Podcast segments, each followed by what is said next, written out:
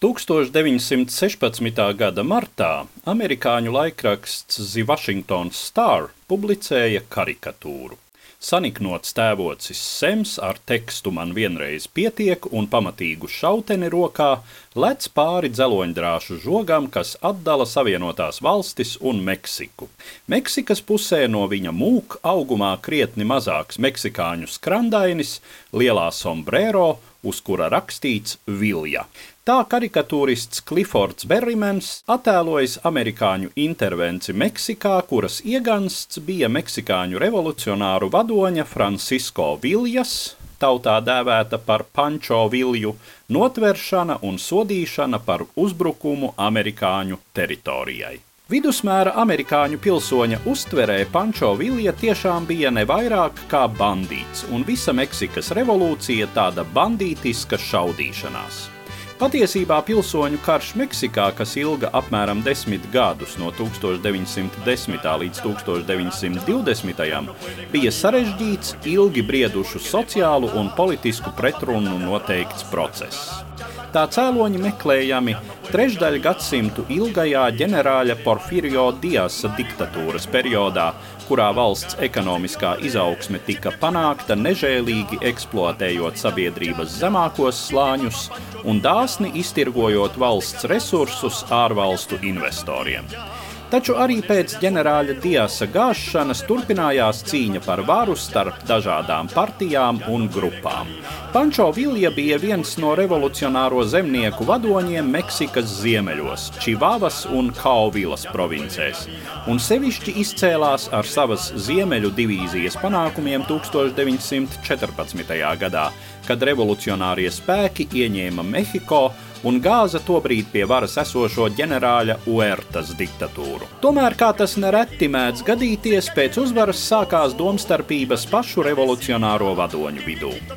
Vilja bija militārs līderis, bet ne politiķis, un zaudēja cīņā par varu prezidentam Venustiano Karansam. Pēc tam ciešot sakāvi arī vairākās kaujās pret prezidentam lojālo karaspēku. Karansas valdību atzina arī Savienotās valstis, un Vilja, kurš līdz tam bija baudījis zināmu amerikāņu atbalstu, tagad sajūtās viņu nodots un sarīkoja uzbrukumu Kalambusas pilsētiņai Savienoto valstu Ņūmeksikas štatā. Uzbrukumā gāja bojā astoņi amerikāņu kavalēristi un desmit civiliedzīvotāji. Reakcija nebija ilgi jāgaida. 1916. gada 15. martā Meksikā iemaršēja ģenerāļa Peršinga komandētā soda ekspedīcija. Ekspedīcijas deklarētais mērķis bija Pančo Viljas notveršana taču amerikāņu militārā spēka demonstrācija bija adresēta arī prezidenta Karansas valdībai, kas tiecās ierobežot kaimiņu valsts korporāciju saimniekošanu Meksikā. Partizāņu karā pieredzējušais Viljas saulaicīgi izkliedēja savus spēkus, un, lai gan amerikāņi guva vairākas taktiskas uzvaras un nogalināja dažus Viljas tuvākos līdzgaitniekus, pats leģendārais vadonis palika nenotverts. Toties notika vairākas amerikāņu sadursmes ar Meksikas valdības spēkiem, kas draudēja pāraukt nopietnākā kara darbībā. Tobrīd arvien noteiktāk iezīmējās iespēja, ka Amerika tiks iesaistīta Pirmā pasaules kara cīņās Eiropā, un prezidents Vudro Vilsons neriskēja uzsākt karu ar Meksiku. 1917. gada janvārī amerikāņu spēki pameta Čivavas provinci, bet nākamajā mēnesī ģenerālis Peršings tika iecelts par Savienoto valstu ekspedīcijas korpusa komandieri Eiropā. Tikmēr Meksikā tika pieņemta jauna konstitūcija, kas paredzēja visu pilsoņu līdztiesību, lielgruntnieku īpašumu sadalīšanu zemniekiem, baznīcas šķiršanu no valsts, garantētu astoņu stundu darbdienu un tiesības streikot.